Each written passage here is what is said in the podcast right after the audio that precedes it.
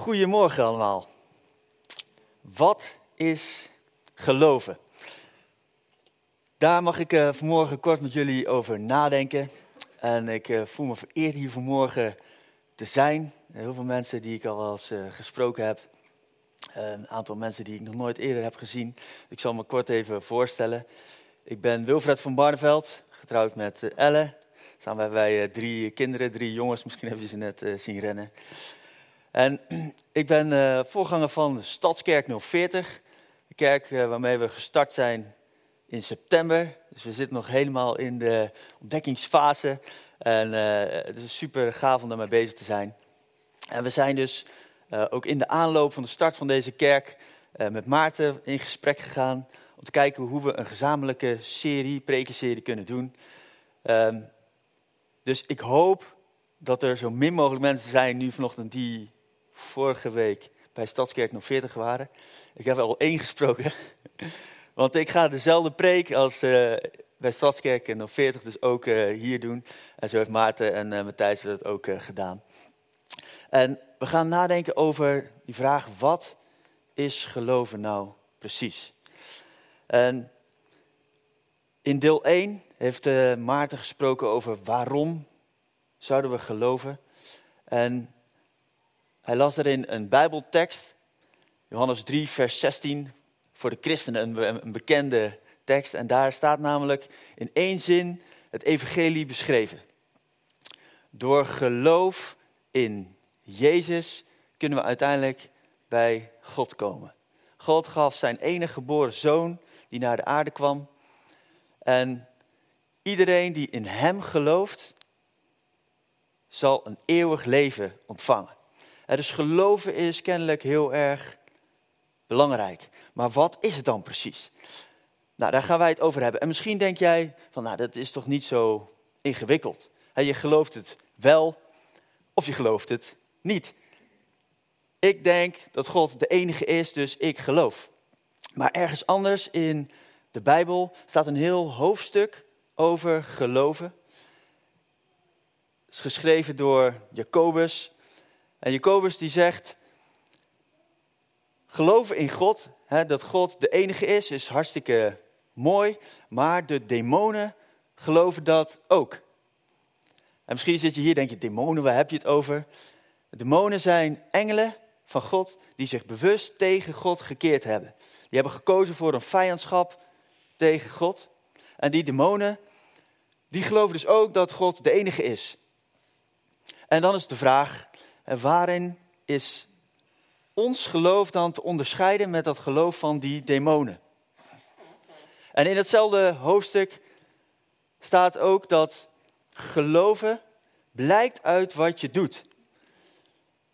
Uit je daden blijkt dat je gelooft.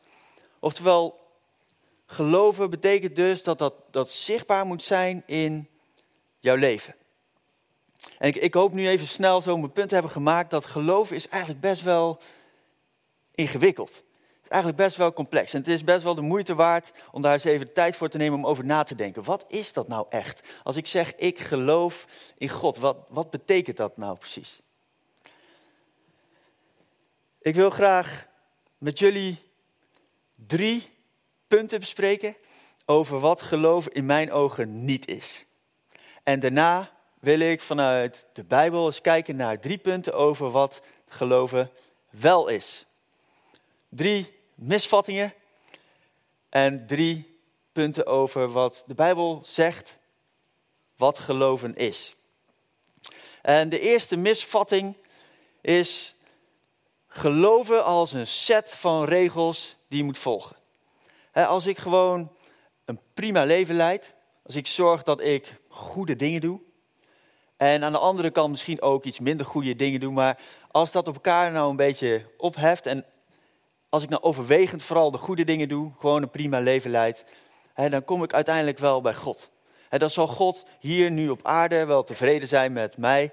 En ook straks, na dit leven, zal ik vast een eeuwig leven mogen hebben bij God. Want ik heb gewoon een prima leven. En ik wil je even kort een video laten zien waarin deze gedachte heel goed naar voren komt.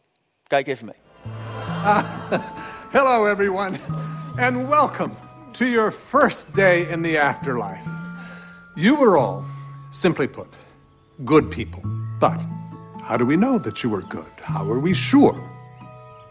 During your time on earth, every one of your actions had a positive or a negative value, depending on how much good or bad that action put into the universe. Every sandwich you ate, every time you bought a magazine, every single thing you did had an effect that rippled out over time and ultimately created some amount of good or bad. You know how some people pull into the breakdown lane when there's traffic and they think to themselves, ah, who cares? No one's watching. We were watching. Surprise! anyway, when your time on earth has ended, we calculate the total value of your life using our perfectly accurate measuring system.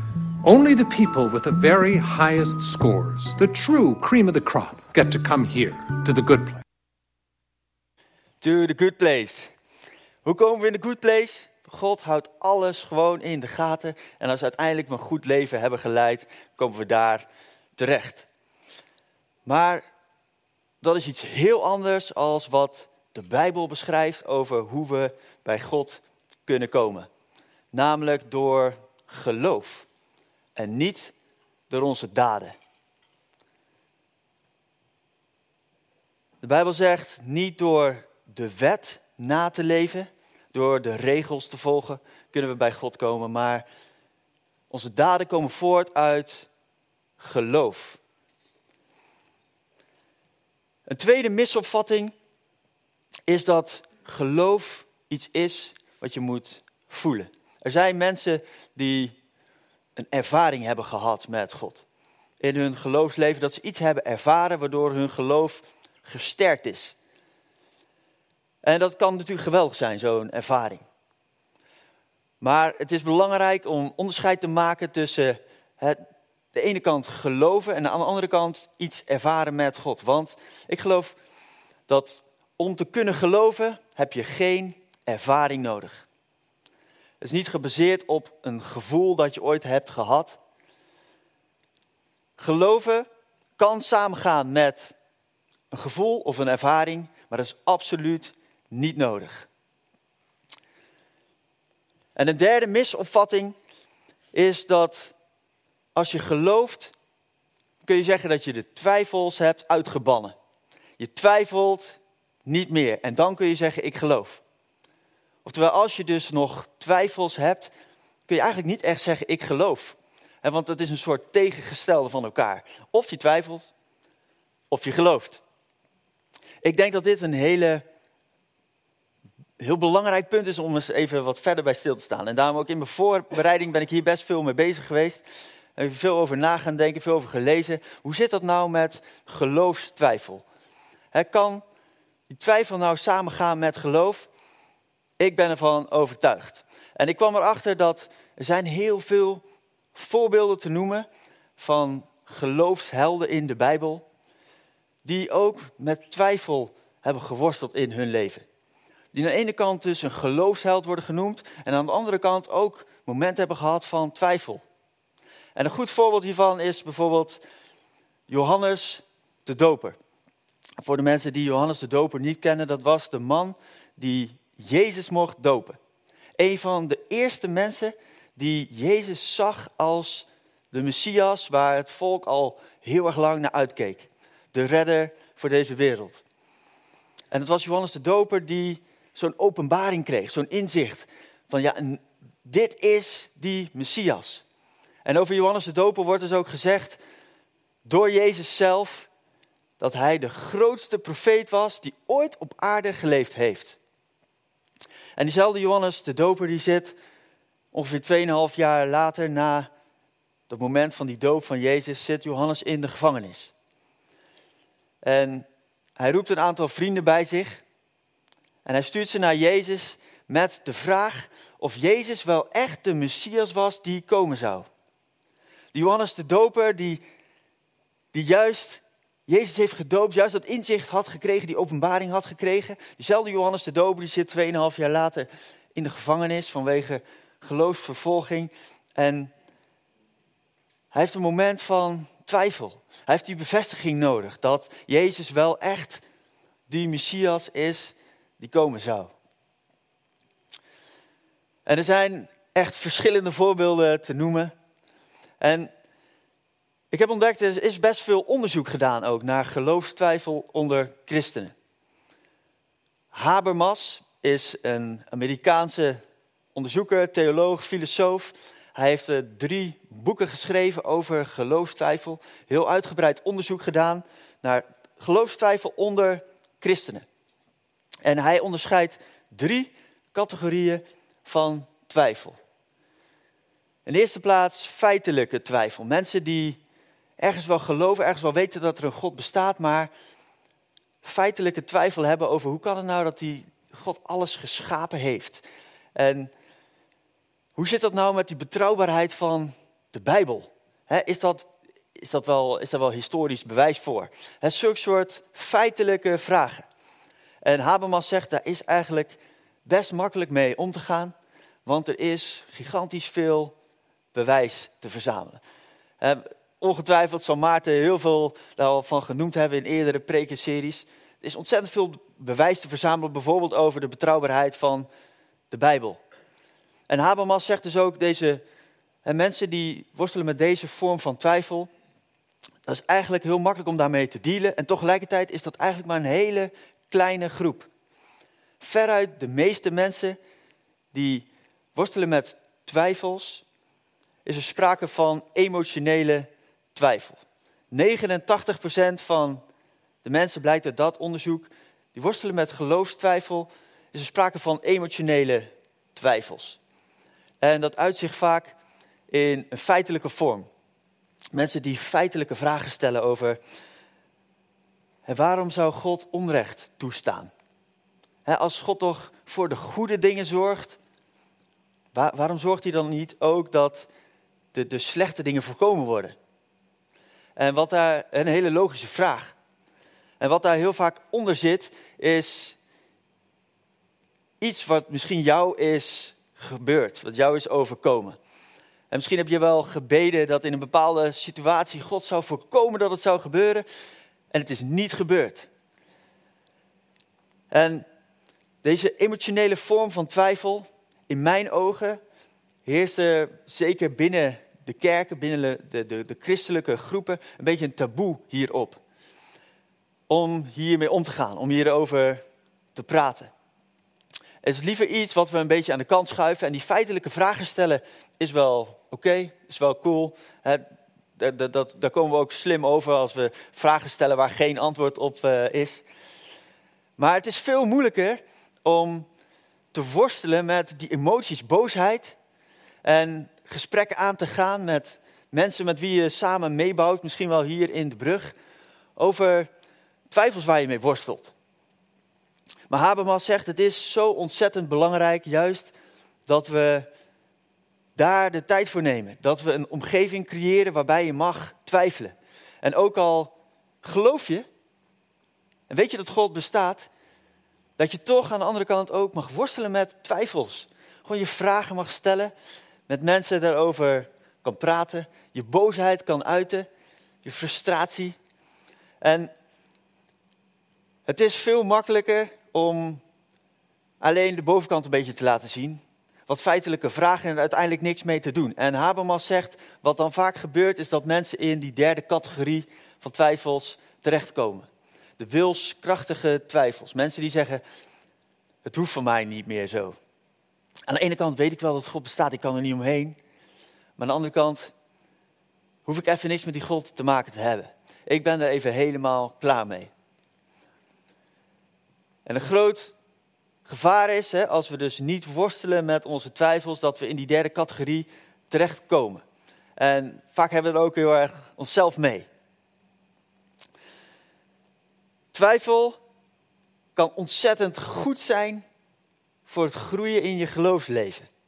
En Habermas zegt eigenlijk aan de andere kant, je kunt het niet te ver trekken. Dat je zegt, om echt te geloven moet je ook twijfels hebben gehad. Er zijn mensen die dat niet nodig hebben gehad. Maar voor de meeste mensen geldt dat je juist door die periode van twijfelen, daarmee worstelen, daarmee omgaan, zoeken naar antwoorden, dat je daardoor juist sterker wordt in je geloof. Geloof is niet de absentie van twijfel. En hoe dichterbij je komt, hoe meer vragen je soms krijgt. En dat is oké. Geloof is dus niet een set aan regels volgen. Is niet een gevoel, iets wat we moeten hebben ervaren voordat we kunnen zeggen, nou geloof ik pas echt. Geloof betekent niet dat je geen twijfels meer hebt. Maar wat is geloof dan wel? En daarvoor wil ik heel even kijken naar een bijbelse definitie van geloven. Volgens sommigen de, velen zeggen dit is wel de bijbelse definitie te noemen. Die staat in Hebreeën 11, vers 1. Geloof legt de grondslag voor alles waarop we hopen. Het overtuigt ons van de waarheid van wat we niet zien. Het geloof legt een soort van basis, wat bepaalt waarop we hopen. En het maakt ons zeker, we kunnen er echt van overtuigd zijn, zeker van zijn, van datgene wat we niet kunnen zien, wat we niet kunnen bewijzen. En hier wordt natuurlijk het woord geloof gebruikt. En om daar even op in te zoomen, wil ik heel even kijken naar de oorspronkelijke taal waarin het Nieuwe Testament van de Bijbel is geschreven. Dat is het Grieks. En als we kijken naar het Griekse woord voor geloof, dan komen daar drie betekenissen uit, die ik met jullie even wil bekijken. Pistis en pisteo. Dat zijn afgeleiden van elkaar en deze woorden worden gebruikt om geloof. En die worden vertaald als geloof in onze Bijbel. De eerste betekenis is geloof schenken aan. Oftewel, het is iets wat je actief doet. Een keuze die je maakt. Vanaf nu besluit ik mijn geloof te schenken aan God. Een keuze. Maar om even terug te komen op wat Guido Weijers aan het begin zei, dan moet je wel weten dat het waar is. om die keuze te kunnen maken, moet je wel zo'n moment hebben gehad waarbij je zegt, ja, maar nu weet ik dat het waar is. En de Bijbel spreekt hier ook veel over, over het openen van je ogen, zodat je God kan zien. We kunnen God zien als een geschenk wat Hij ons geeft. Dankzij genade wil God ons een geschenk geven. Een geschenk dat onze ogen opent, zodat we kunnen kiezen. We danken dat geloof niet aan onszelf. Het is een geschenk van God. God geeft het ons. God geeft ons zo'n moment waarop we kunnen kiezen, zodat we een moment waarop we weten, nu kan, ik, nu kan ik kiezen. Want ik weet dat het waar is. Ik heb het gezien. Met mijn eigen ogen, om het zo maar te zeggen. En dan kun je dus kiezen. En als je daarna dus nog, nadat je hebt gekozen, door seizoenen heen gaat waarop je twijfelt, dan kun je ergens wel vasthouden aan die keuze. Ik heb ervoor gekozen, ik geloof. Dus je gelooft aan de ene kant en aan de andere kant ga je nog door periodes van twijfel heen. Dat kan dus heel goed samengaan. De tweede betekenis van pistis is vertrouwen. Ervoor kiezen om God te vertrouwen. Actief je vertrouwen te stellen in God. En dat is natuurlijk ook wel iets wat heel erg moeilijk kan zijn. En tegelijkertijd iets wat heel erg nodig kan zijn. Als het gaat om hè, wat God ons wil geven, is een eeuwig leven. het houdt dus niet op na de dood hier op aarde. Maar hoe hoe kunnen we daar nou zeker van zijn? Dan moeten we ons vertrouwen echt op God stellen. En Jezus gaf eigenlijk het perfecte voorbeeld van hoe dit werkt. Daar gaan we zo naar kijken. Maar eerst de derde betekenis is trouw zijn. Trouw als een deugd, een eigenschap. En hier komen ook de daden om de hoek kijken. Als je dus kiest voor God, kiest om te geloven, dan kies je er ook voor God trouw te zijn. En dat te laten zien door wat je doet. Doordat je die keuze hebt gemaakt, kies je er ook voor om in jouw daden God trouw te zijn.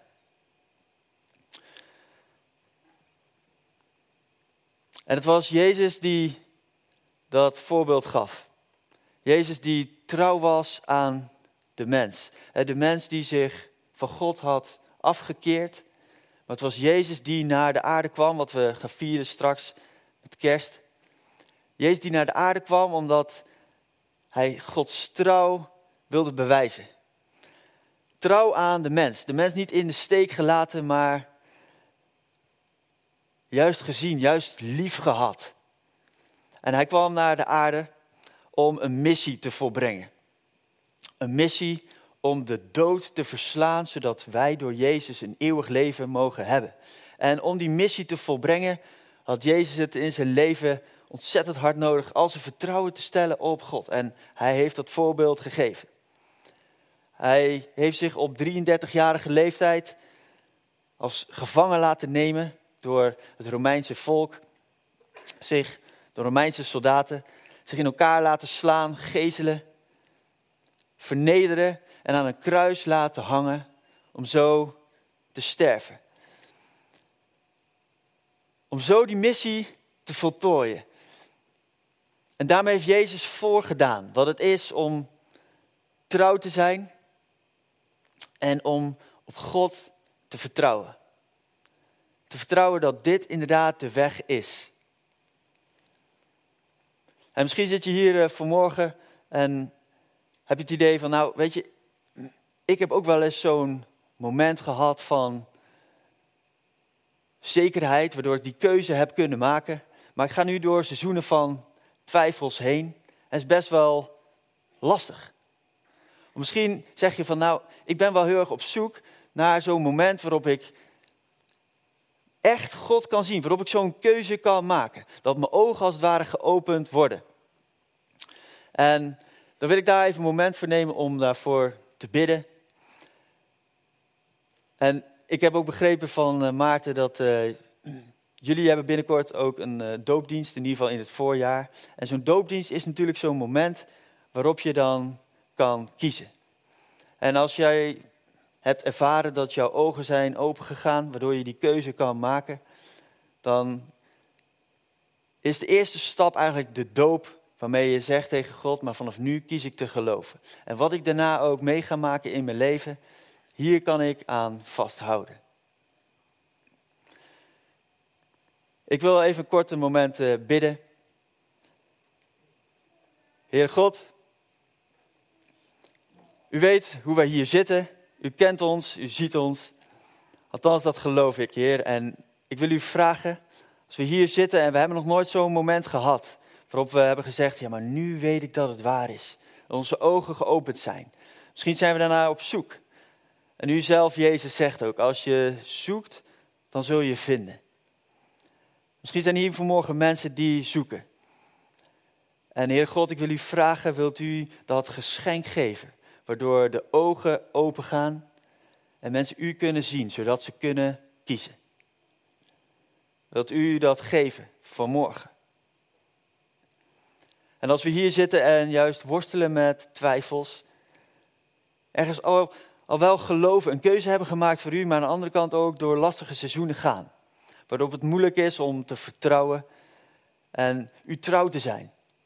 Wilt u ons helpen? Wilt u ons kracht geven? En wilt u ons leren hoe we moeten worstelen? Hoe we daar mee om moeten gaan. In Jezus' naam. Amen.